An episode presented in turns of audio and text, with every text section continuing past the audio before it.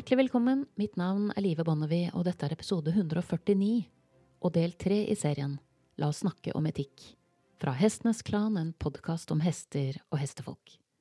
I dag går turen til NMBU Veterinærhøgskolen, der jeg skal møte veterinær og førsteamanuensis Bjørn Vormstrand for å snakke om studentene som er på vei ut i et yrkesliv vi allerede fra start vet vil bli et givende, men også ganske krevende liv, der det kommer til å være mange hensyn å ta.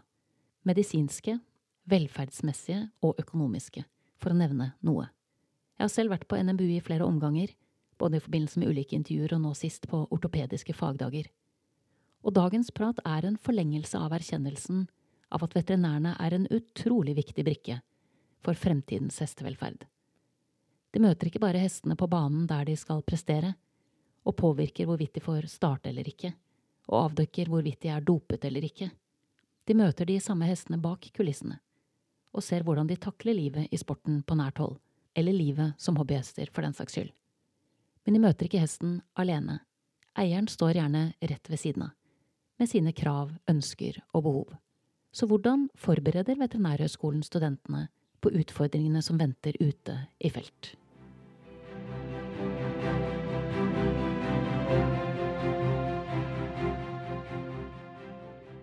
Hjertelig velkommen i studio, Bjørn. Takk. Eh, og jeg føler jo at igjen du kunne sagt det samme, for jeg har dratt til NBU igjen. Og vi sitter i deres eh, veldig fine podkaststudio. Ja. Og denne gangen så skal vi snakke om Sist snakket vi om kolikk.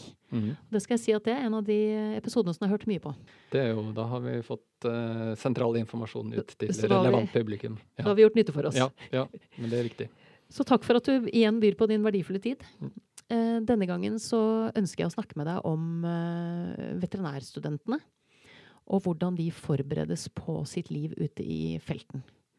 Så det kan være greit bare å starte med å si altså Velferd er jo det dere hest, At hester, dyr og skal ha det bra. Jeg tenker vi holder opp på hest. Ja. Det er jo en veldig Ja. bred utdanning. Ja. Men, men for uh, podkastens skyld så tenker jeg at vi snakker om hest. Ja. selv om ikke alle blir hestepraktiserende. Så hesten blir representanten for dyrene. Ja. Em, hvilket fokus dere har på etikk og, og hestenes velferd da gjennom utdannelsen? Mm.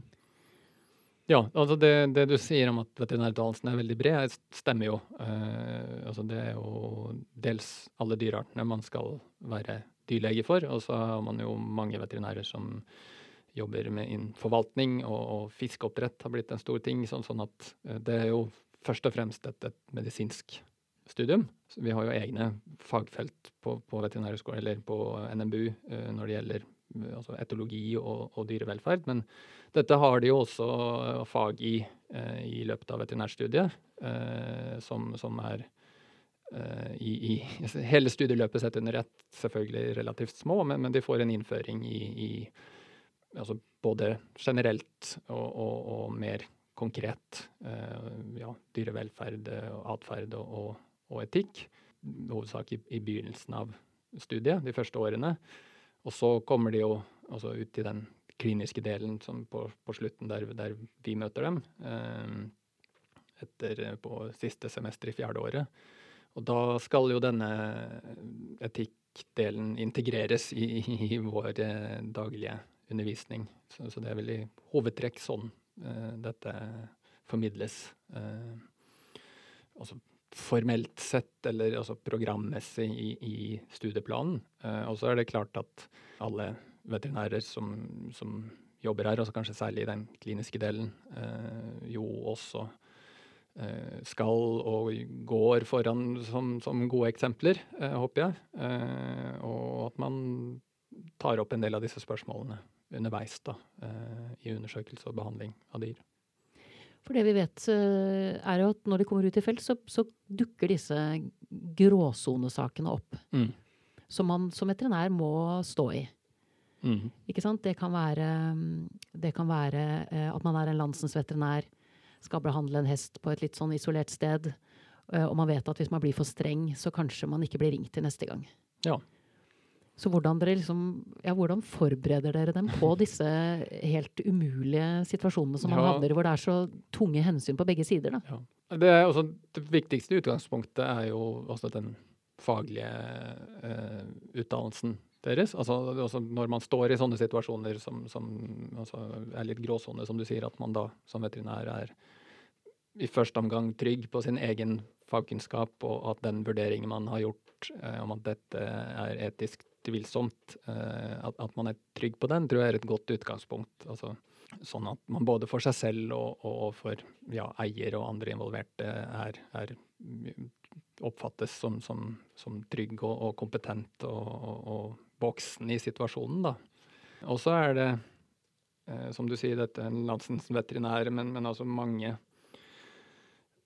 om man driver en egen selvstendig praksis eller man jobber på en klinikk med andre. Altså, dette er jo situasjonen man ofte kommer i liksom, på, på, vakt eller utenfor arbeidstid. Så, så, ofte er man jo aleine i situasjonen. Og da er det jo, må de jo ha en viss form for trening på det også eh, her. Så de går jo eh, egne studentvakter hos oss, der de selvfølgelig har eh, også en vakthavende veterinær og en vakthavende dyrepleier som er tilgjengelige på telefon og eventuelt kommer inn hvis, hvis, det er noe større ting, men, men, men der de har ansvar for medisinering og overvåkning av hester da hos oss uh, gjennom uh, kvelden og natta. og det er klart at de har et godt støtteapparat bak seg, men, men da er de aleine til stede, og, og, de må selv liksom stå i en ny og uvant situasjon. og da er jo håpet at, at dette kan tas med videre til lignende situasjoner når de som ferdige veterinærer står med noe aleine, om det er et faglig utfordrende kasus eller en etisk problematisk eh, situasjon. At, at, den øvelsen mm, kan hjelpe da. Så det betyr at de på en måte da får, eh, får erfart og kanskje også bygger seg opp litt sånn nettverk? Altså at ikke sant, De er kullkamerater, de har gått på skole sammen lenge. Mm. Eh, er det noe dere aktivt oppfordrer til? Det varierer nok, men, men for min egen del så, så, så, prøver jeg å være tydelig på det at, at man, man, man, skal være det helt naturlig, og man skal kanskje være litt nervøs når man står der i begynnelsen aleine uten liksom For at altså, ja, det er et seksårig studium, men, men, men uh, man, man, greier jo ikke å opparbeide seg nok liksom erfaring og tyngde til å være trygg i alle situasjoner. Sånn at det at man uh, har et, et, ja, et, nettverk, som du sier. altså Det kan være en bakvakt. altså En del av dem er jo ute på det man kaller midlertidig lisens, altså et år før de er ferdig. Og, fungerer som veterinærer også på vakt. og da, da, har man jo ofte en bakvakt, ikke sant. Men også som nyutdannet at du har eh, noen å støtte deg på. Og også spesifikt for hest, da, så har jo både vi på Veterinærhøgskolen og, og Bjerke dyresykehus har jo eh, døgnvakt også for veterinærer som ønsker å diskutere faglige ting. Og, og, som du nevnte, dette med kullkamerater. Det, det, er jo også, ikke sant um, Man har forskjellige interesser og, og blir faglig sterkere um, på forskjellige områder, sånn at man uh, står man Jobber man ikke primært med hest og står med en hest, at man, man da kan ringe noen og, og, diskutere litt, og igjen være trygg på at den vurderingen man har gjort, er, er korrekt. da. Uh, og så er det et annet uh, moment som jeg også snak, prøver å snakke en del med dem om, og det er jo at altså, veterinærstudiet har veldig høye inntakskrav. Uh, sånn at de som, som, kommer inn på veterinærstudiet, er, er mennesker, unge, fri, uh, flinke mennesker som, som, er vant til å mestre ting og få til ting. Og altså, Det er jo et snitt på over fem som kreves for å komme inn, og det er jo ganske ekstremt. Sånn, og så møter man veterinærstudiet, som jo er nok et av de mest krevende studiene i Norge. Dels fordi det, på grunn av det vi var inne på tidligere med at det er så bredt, det er så mange felter. Men også kanskje det at altså, vi har jo som mål at våre, vår, vårt veterinærstudium skal være internasjonalt eh, bra, altså på linje med den standarden som settes andre steder. Og da, da er det nok sånn at, at et studiepoeng på, på veterinærstudiet omfatter ganske mye mer pensum enn på en del andre studier. Så, sånn at de møter dette ganske krevende studiet, og så fra første dag så er du delt opp i, i fagblokker som man, som man, går gjennom. Eh, og da undervises de hele tiden av altså eksperter på akkurat dette fagfeltet, som kanskje har fordypet seg i dette i, i 20 år, ikke sant? 30 år. Og så, når de liksom akkurat har fått mestringsfølelsen og, og, stått på eksamen, forhåpentligvis med en brukbar karakter. Så skal de videre til et nytt tema, der det står en ny gruppe eksperter. Og, og, og så begynner man på scratch. Og så er det et intensivt studium, så, så de, de, de, omgås De studerer veterinærmedisin, og de omgås veterinærstudenter, og de jobber på veterinærklinikker, og, og de blir sammen med og gifter seg med veterinærer. sånn at også det snevres inn liksom det fokuset de har, sånn at eh, man mister litt perspektivet, tror jeg. Eller det, det, er lett for å miste perspektivet på hva som er liksom eh, ja, normal eller allmenn kunnskap, sånn at man må ikke falle i den fella at man jeg får ikke til noen ting hele tiden fordi man i seks år har uh, gått fra fag til fag og startet på scratch hver gang, da. Uh, det er et tema vi snakker om innimellom. At, at uh, Du får ikke den ordentlige følelsen av progresjon?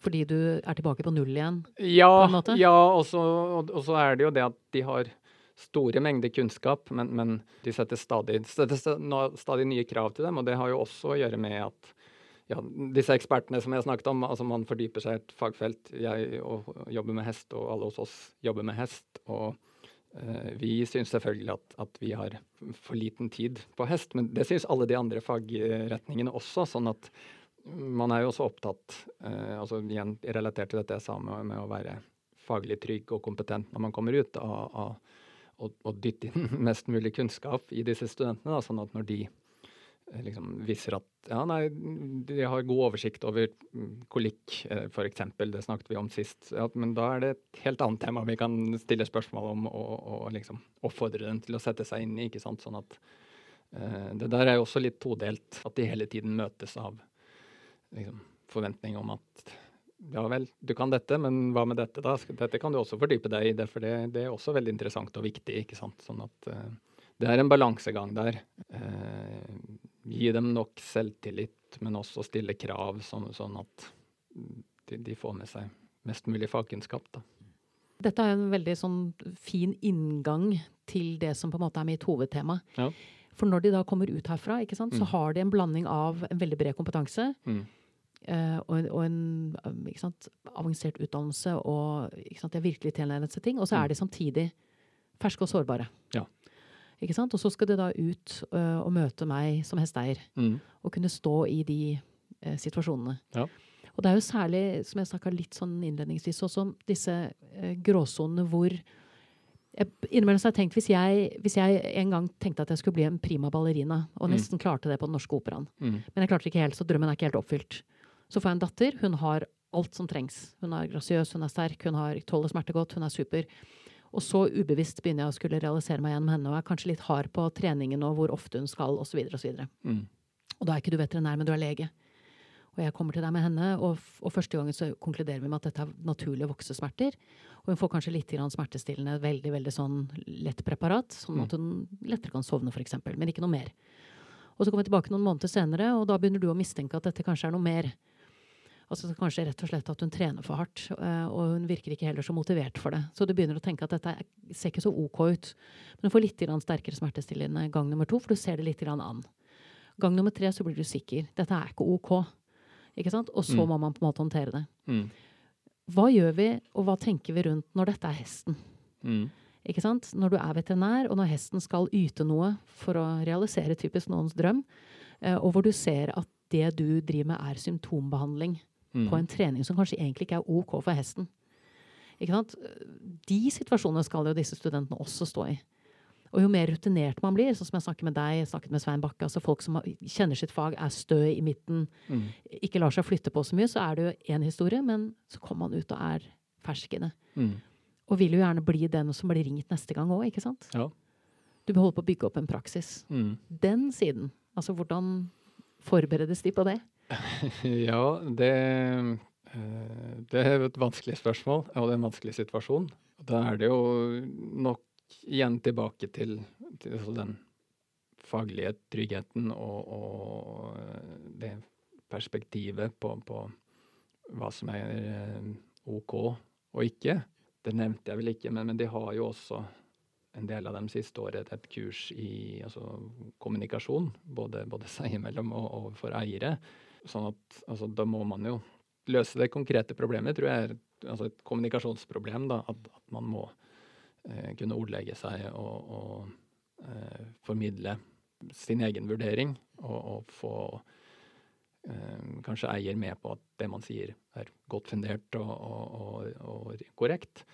Eh, og også ta seg tid, ikke sant? både der og da, men også la det bli en prosess fremover. Og eventuelt henvise til noen som har ytterligere kompetanse. ikke sant? At man at igjen bruker det faglige nettverket sitt. ikke sant? Altså støtte seg på noen. Eh, og så skal man da det, det, vi, vi, får jo en del pasienter inn hos oss på veterinærskolen, så, så må man jo den enden være sin rolle bevisst på at man verken stikker av med, med pasienten eller, eller eh, sier noe som uheldig om, om, veterinæren som er sendt inn, da. For det, det er jo en, også en, plikt man har som veterinær å innse sine begrensninger og henvise til ytterligere kompetanse.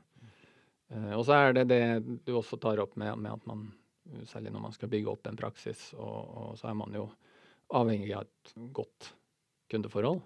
Og da er det jo Det snakker jeg også innimellom om med studentene, dette. For, for at altså, som veterinær så, så, står du innimellom i krevende situasjoner, og, og, som jeg sa, en del av det handler om kommunikasjon, men, men også altså, hvordan passer du og, og eier sammen så, i et, kundeforhold, da.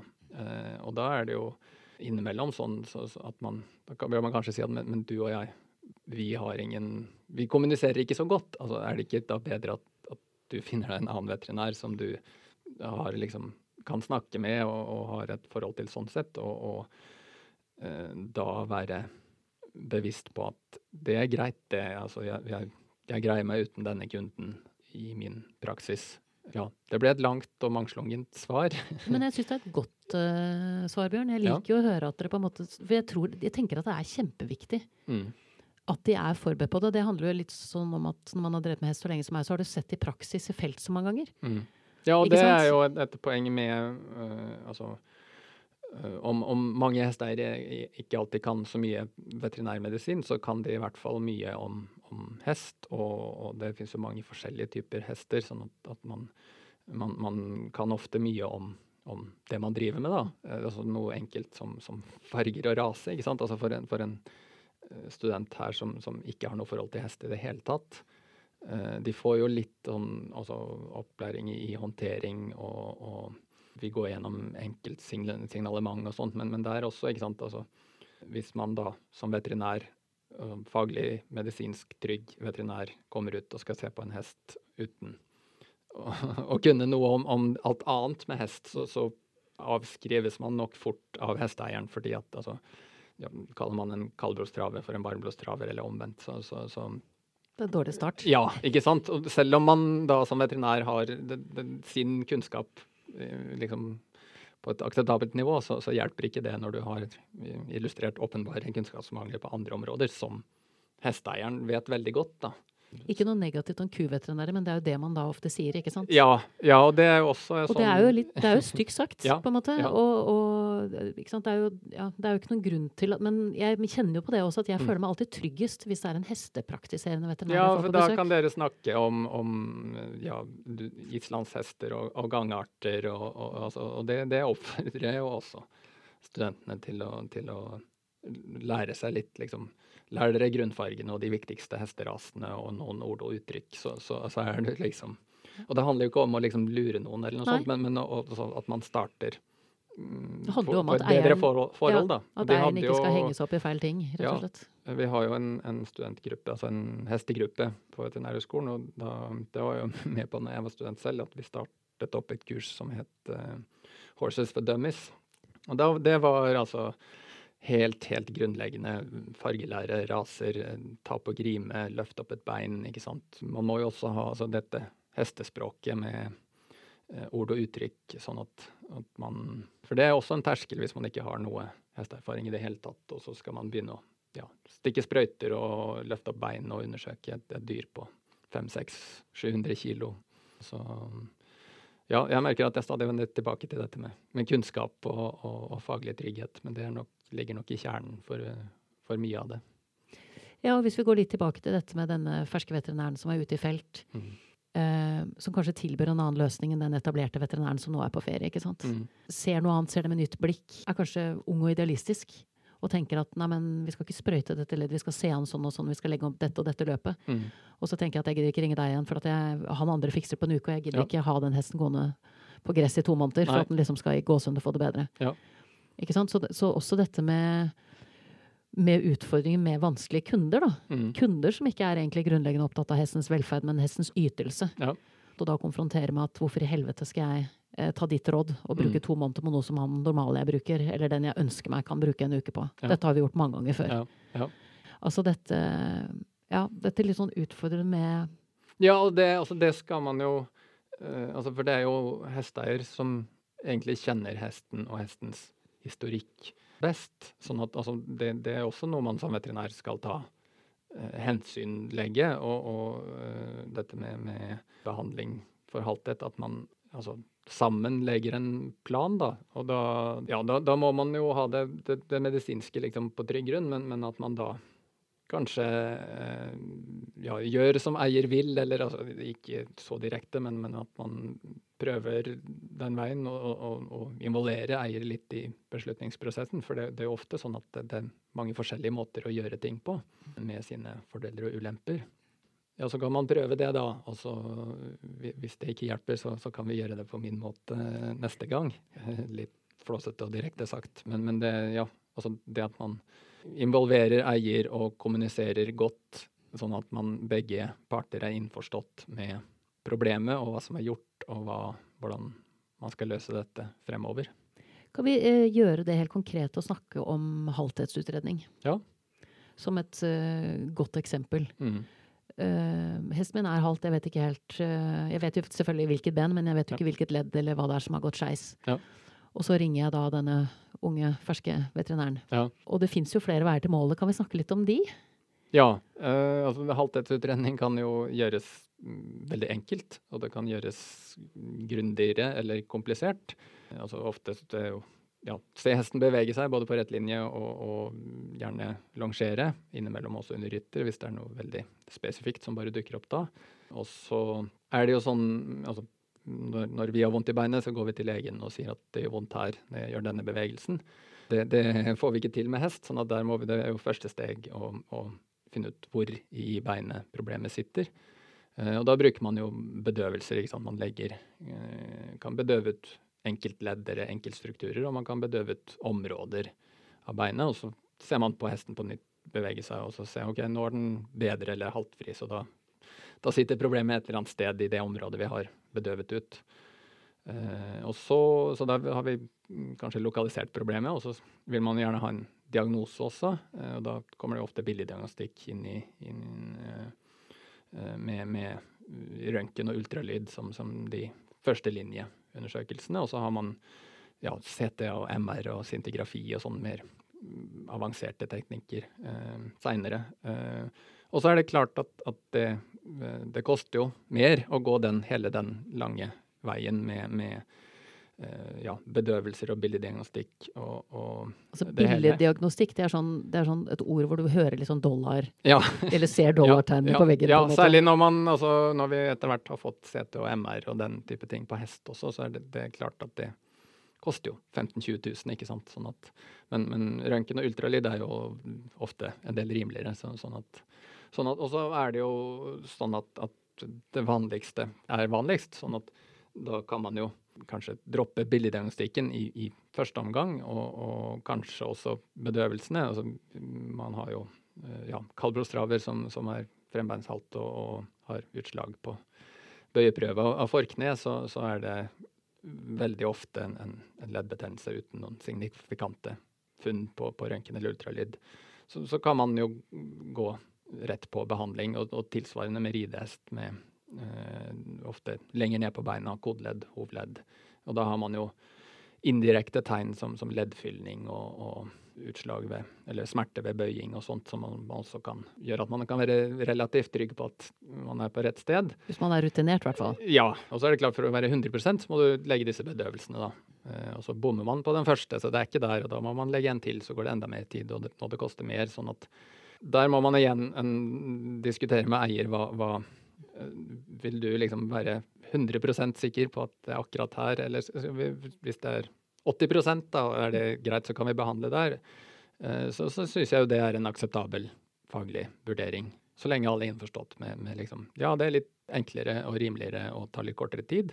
Men, men det, det, er en, en viss sjanse for at vi ikke, ikke er på rett sted. Uh, og så er det jo da, hvis, ikke, hvis man ikke har truffet med den behandlingen, så, så må man jo gå videre med, med, med mer grundig utredning, da.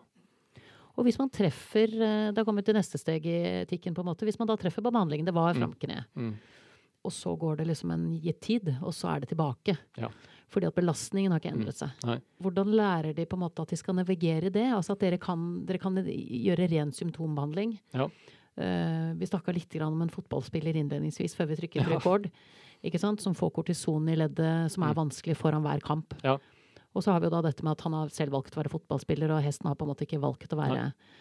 Nei, ute på jo... Så, så ja. hvordan, hvordan, jobber dere rundt de problemstillingene sånn studiemessig? Ja, Det er jo et klart skille der, som du sier, mellom, mellom mennesker som kan ta et bevisst informert valg, og, og dyr der vi tar vårt valg. Dette med leddbehandling er jo et tema som, som diskuteres mye både blant veterinærer og, og, eiere, så det er et godt eksempel. Det finnes jo ingen definerte forskrifter eller, eller faglige retningslinjer på hvor ofte kan et ledd behandles. Det er ofte betennelsesdempende man bruker, ofte kortison, men også andre typer. Hvor ofte kan dette gjøres, eh, og, og, og, og, at man fortsatt er innenfor det som etisk er akseptabelt. Eh, så Det er jo en vurderingssak. Det er heller ikke så, så lett, men, men, det er også noe man snakker om igjen relatert til det faglige. fordi at hvis man behandler et ledd, og så holder det seg fint noen uker eller noen måneder, og så er den alltid igjen på samme sted. og ja, ny behandling hjelper litt en periode igjen. Og da er det jo, er det åpenbart at det er ikke bare dette at det er litt betennelse i leddet, det, det kan være bruskforandringer og, og, andre ting. sånn at da, da, er jo vårt faglige perspektiv at da, da bør den utredes videre med, med eventuelt billeddiagnostikk, sånn som vi snakket om, eller altså for ledd at man, man, går inn og kikker rett og slett med et kamera, for det er ikke, det er ikke alt man plukker opp på, på billeddiagnostikk. Sånn at den etiske vurderingen henger jo litt sammen med det faglige, da. Og også for deg eller andre som eier. altså å, behandle stadig behandle dette leddet med tilhørende konvalesensperioder og, og avbrekk i treningen. Det er jo ikke altså, Hvis man tenker rent på ytelse og, og, og funksjon, så, så, er ikke det eh, ideelt heller. Så det er jo litt beslektet der. Eh, men, men, det er jo Altså, man har jo en, en dyrehelsepersonellov å forholde seg til, og den er som mange andre lover eh, ganske rundt formulert. Men, men, det står jo der en del om behandling skal være faglig fundamentert, da, sånn at det er vel det man mm, ofte henger det på. Altså som yrkesutøver og yrkesetisk så, så skal man som veterinær mm, basere seg på faglig vitenskapelig kunnskap og, og det som ikke er eh, i henhold til det, er heller ikke da etisk akseptabelt. Og, og det blir jo litt igjen med, med, et ledd som behandles igjen og igjen og igjen. Så, så, er det åpenbart en behandling som gjøres på sviktende faglig grunnlag, og dermed også er en etisk problematisk behandling, da. Når vi først snakker om det, da, så er det jo naturlig å ta opp noe som jeg snakka med Svein Bakke om. Det er jo ganske lenge siden, jeg på det kan være episode 25 eller noe sånt. Da snakket vi om noe som overrasket meg veldig. Altså selvmordsstatistikk for veterinærer. Ja. At den er veldig høy. Den er brutal. Den er brutal. Mm. Uh, og Svein Bakke hadde en veldig sånn Han hadde gjort litt undersøkelser, husker jeg, på det tidspunktet, og sa at når man blir veterinær, så blir man det primært fordi man er glad i dyr og man har lyst til å hjelpe dyr. Mm. Og hvis man da stadig kommer i det vi snakker om nå, disse mm. etiske problemstillingene, hvor man ser at man ikke egentlig klarer å hjelpe dyret ordentlig, Mm. Ikke sant? Enten fordi man ikke får den dialogen med eieren som man ønsker, eller at man ikke klarer å snakke hestens sak tydelig nok. Mm. Ikke sant? Og så ser man at man på en måte er enten med på å forlenge en type lidelse, eller eh, jeg føler det er lite tilfredsstillende. Da. Om det eh, henger litt sammen. Altså at at, uh, at, det blir så tøft å stå, særlig hvis man ikke har det nettverket som du snakket om, men at det blir tøft å stå i at man ikke får hjulpet sånn som man hadde ønsket å hjelpe. Ja, det, det, er nok et veldig viktig aspekt i den problematikken. Det å være veterinær og klinisk veterinær, altså dyrlege, det man liksom tenker på når man hører ordet veterinær, er jo ofte en, en, en ganske ensom jobb. Rent bokstavelig. Altså man, man, særlig for produksjonsdyr og også for hesteveterinærer, så, så er det ofte enkeltmannspraksiser der man selv kjører rundt og er eh, sitt eget faglige, kollegiale nettverk. Og da er det de utfordringene med, med dyrehelse og det å hjelpe dyra eh, et moment. Eh, og så er det ofte Ofte driver man sitt eget selskap. Sånn at det kan være økonomiske bekymringer, og man jobber også ofte mye. Det er jo vanlig å kombinere en 100 jobb med, med vakt. Fire-fem delt, noen steder tredelt. Eh, og man står i krevende situasjoner innimellom. En ting er liksom skal vi sprøyte eller ikke sprøyte, men, men dette dyret må avlives, og det ser ikke pent ut, for det er en, et kraftig sykt dyr og ikke ideelle omstendigheter. Altså, eh, man møter mye sånt, og hvis man da er eh, for seg selv, så er det klart alle har eh, tyngre perioder innimellom, og, og, jeg tror vel at det er lettere å, å, unngå at disse periodene utvikler seg til noe mer da, enn en depresjon eller selvmordstanker, sånn, når man har både et faglig fellesskap og et kollegialt fellesskap, at, man, at, det er noen man kan støtte seg på faglig. Jeg vender stadig tilbake til faget. men, men også, også, det at man, man, har en gruppe mennesker som man ja, setter pris på og kan snakke med, og som man ser kanskje ikke hver dag, men, men innimellom på jevnlig basis. Og få lufte litt. Men det, dette kan jo også være et aspekt hvis man jobber på en klinikk. Eh, særlig som, som nyutdannet og ambisiøs, så, så, så eh, man reiser jo dit det er en relevant jobb å få. Eh, og det kan være et annet sted i Norge der man er uten noe sosialt nettverk, eller det kan være det er jo stadig flere som reiser utenlands for en periode og møter et tøffere arbeidsliv og tøffere krav og, og en generell tøff hverdag. Det, det spiller selvfølgelig også inn på denne ensomheten, eller hva man skal kalle det.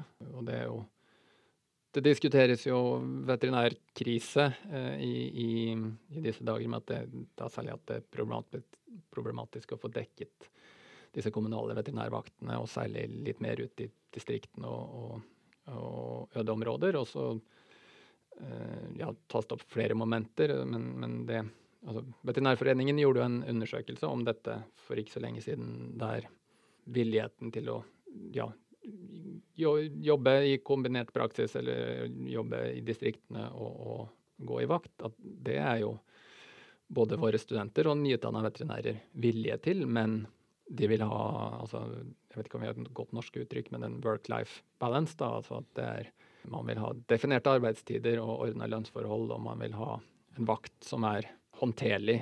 Og det, gjelder jo ikke bare veterinærer, det gjelder jo alle yrker. altså man er opptatt av at skal, det skal være tid til familien, og, og, man skal ha tid til å gjøre andre ting. Og ja, igjen, altså vi, vi veterinær eh, historisk sett har jo vært et mannsdominert yrke, der man Og, og det skal jeg ikke legge skjul på at det innimellom kommer kommentarer fra eldre kolleger om at men når jeg var ung, så kjørte jeg todelt vakt, og det var åtte timers arbeidsuke. men da da hadde de jo en, også en kone hjemme som, som, som var der og, og ja, tok seg av barn og alt annet. ikke sant? Og nå er det eh, vært et mer likestilt yrke, og etter hvert en hovedvekt kvinner. Og, og de er jo eh, akkurat like eh, dyktige veterinærer som alle andre, men, men, men, man er blitt mer opptatt av at, at det skal være altså det i et forhold og, og, og et familie som der, der, man nå har to yrkesaktive personer, så, så må det være rom for fritid og, og, og, familie og sånne ting også. For det er jo ikke alle jobber man har hvor, hvor man blir ringt opp til veldig veldig odde tider, uh, og hvor det står om livet. Nei. Ikke sant? Altså, det skjer jo ikke i min jobb engang. Uh, selv om jeg har, altså i filmbransjen, og vi er i produksjon, uh, sånn som jeg var med Kampen om Narvik, så ja, da går det jo en kule varmt, da. Ja. Ikke sant? Og kan, da er man liksom på døgnvakt i fem uker og må være veldig Men når de fem ukene er over, så, så, så kan du ta deg en uke og sove ut. Ja, da, da kan det til og med være måneder før ja. man kommer i produksjon igjen. Ikke sant? Men dere er jo på en måte i gåsehud i produksjon hele tiden. Altså Det kan når som helst. Ja. Uh, og så er det jo ikke så lett å si nei til den. Altså, har man lov til å si nei til det? Og, og kan, nei, er man på vakt, så, så har du jo altså da plikt til å reise ut. Hesten min har kolikk og ligger og dør her. Ja.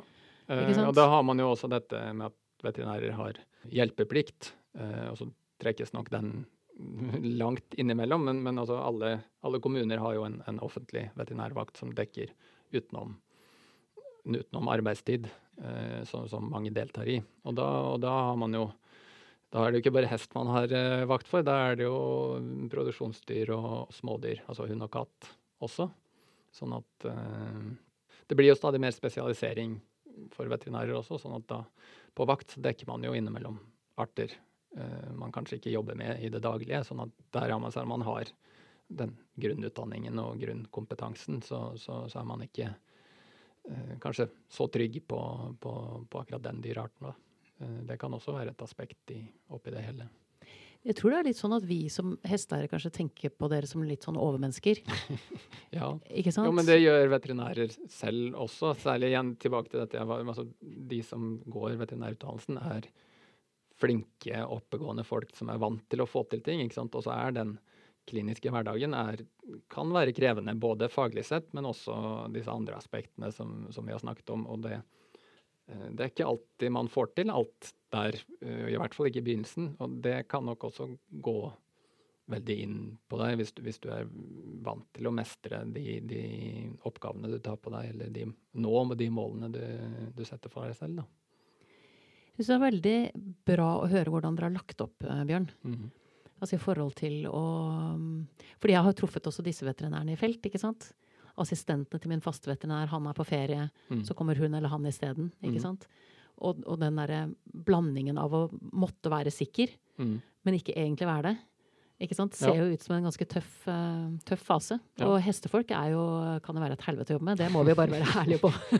ja, nei, men altså, de har vi vet, vi vet, hva vi vil ha, for å si det sånn. Ja, altså, og, og man har jo uh, investert mye i denne hesten. Altså penger, selvfølgelig, men også følelser. Det er. Den, ja, ja og, og, det er den hesten man har. Uh, uh, mens altså hvis man går til, til produksjonsdyr og bønder, så altså, de har også hjerte for dyra sine. Det, det, er ikke det, men, men de, de, har flere dyr, så de har sett mer av sykdom og skader, og har kanskje innimellom et mer realistisk forhold til, til hva som kan gjøres og ikke gjøres. Uh, og så er det jo for dem også en, en Det må svare seg økonomisk, ikke sant.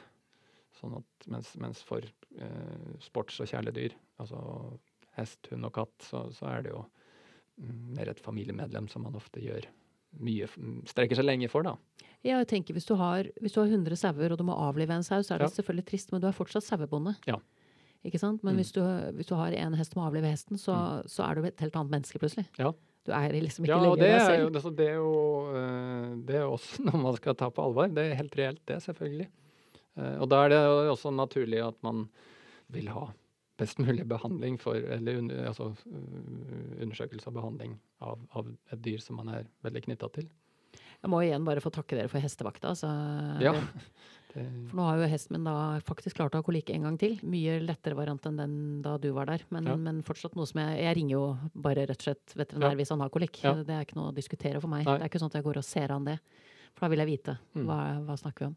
Men igjen, ikke sant. Det er å plukke opp telefonen, og det kommer et hestekompetent menneske ja, ja. Som, som, kan forskjell ja, på høyre og venstre. Ja, der nevner du også et stikkord. Det er veldig eh, behagelig, altså. Uh, med, med, det med hestekompetanse på, på andre områder òg. Det føles selvfølgelig tryggere. Mm. Klart. Det, Bjørn, takk, ja. takk for uh, Hvis ikke du har noe du skulle lagt til? Uh, nei, ja, det kan det med vi, uh, selvmord og depresjon hos veterinærer er jo et alvorlig tema som det er viktig å snakke om. Jeg vil nevne Veterinærforeningen har jo både en, en fadderordning for nyutdanna veterinærer, så, så, man har dette som jeg har snakket om tidligere, en, en, slags mentor eller noen man kan diskutere med. Og det finnes også en, en kollegahjelpordning hvis man står i en ja, eh, ja, man kan jo gjøre tabber som veterinær eller ja, andre krevende situasjoner, så at man da kan Da er det en, en en gruppe kollegaer som, som, er tilgjengelige, som man kan ringe og få, få snakke med og, og liksom eh, eh, lufte litt, da. Kan det være utfordrende da at man, som du i og for seg antydet litt, altså at man er vant til å være veldig, veldig flink? Og at det er, blir et stort på en eller annen måte personlig eller faglig nederlag å ikke klare å gjøre det sjøl? Stå i det selv? Løse det selv? Ja, det, det kan det nok. Og er det liksom et litt sånn konkurranseretta, litt hardt miljø, eller er det et eh, Nei, det har jeg egentlig ikke inntrykk av. Men Nei. det er nok det med, med å for seg selv eh, innrømme at nå trenger jeg litt støtte. Om det er faglig eller eh, psykisk. Det, det, er vel noe alle sliter med. Og så er det, tror jeg også jeg har nevnt i når vi har eh, mailet tidligere, men, men dette med, med at altså, å være klinisk veterinær kan uh, være det kan oppstå tøffe situasjoner, og det er ofte hektiske og, og, og, tunge dager. Sånn at man må ha en realitetsorientering for studentene om hva det faktisk innebærer å jobbe i en sånn setting også, da. Strålende. Tusen hjertelig takk for, uh, for praten. Jo, likeså. Så håper jeg at jeg kan snike meg tilbake her. Jeg har jo uh, i min plan fortsatt et intervju og en ting jeg har lyst til å gjøre her ute på NMBU, som jeg vet sikkert. Så, men da, da, ringer jeg deg bare, og så håper jeg at det er mulig å snike seg inn her en tredje gang, faktisk. Ja, det får du gjøre. Mm. Så skal vi nok ordne det. Takk skal du ha. Du har nettopp hørt episode 149 fra Hestenes Klan, en podkast om hester og hestefolk. Og jeg har lyst til å avslutte med å tenke litt høyt rundt noen av utfordringene jeg selv har observert i felt. For hvem skal i siste instans snakke hestens sak når det gjelder velferd og helse, hvis ikke veterinæren gjør det? Veterinæryrket hører til de klassiske profesjonene, på linje med tannleger, prester, advokater og leger. Og helt uavhengig av min samtale med Bjørn, som jeg lærte å kjenne første gang i felt da min egen hest hadde kolikk, så vil jeg på generelt grunnlag minne om hva som står nedfelt i de profesjonsetiske retningslinjene fra Den norske veterinærforeningen fra 2010. Der står det, svart på hvitt, at veterinæren har et særlig ansvar for å formidle opplysninger om dyrs velferd, ikke minst der hensynet til dyret kommer i konflikt med økonomiske eller andre menneskelige interesser, noe de i praksis gjør hele tiden. I møte med dyret skal veterinærens hovedfokus være dyrevelferd, står det videre. Men dyrevelferd innenfor hvilken ramme? For å ta konkurransehesten, som er et ledd som sprøytes jevnlig, som eksempel. Hvis vi sier at rammen er gitt, at denne hesten må konkurrere og få resultater for enhver pris, så er det jo ikke så vanskelig å argumentere for å sprøyte et dårlig ledd. For hesten får det jo bedre innenfor denne rammen. Men er denne behandlingen berettiget? Og bidrar den til at vi unngår at hesten utsettes for unødig belastning? Jeg synes personlig vi snakker for lite om hvordan vi håndterer hester som ikke passer inn i rammen vi har gitt dem, eller hester som for eksempel har et ledd som ikke gjør det. Det er ikke alltid mangelen på regler og retningslinjer som er problemet, det er at vi ikke følger dem. For i de profesjonsetiske retningslinjene for veterinærer så står det også svart på hvitt at man skal legge stor vekt på hensynet til dyrets velferd og fremme dyrets sak i interessekonflikter. Så hvordan havner vi da i situasjoner der rytterens interesser tillegges mest vekt? Hva får det å si for hestens velferd? Og hvem skal da snakke hestens sak? Og la oss for all del også ta med oss hva dette gjør med veterinærene selv. At de ofte kommer i situasjoner der de av ulike grunner enten må svelge en kamel på tvers, eller ender med å fravike det som trolig var hovedgrunnen til at de tok en av Norges lengste og mest krevende utdannelser. At de ville hjelpe dyr.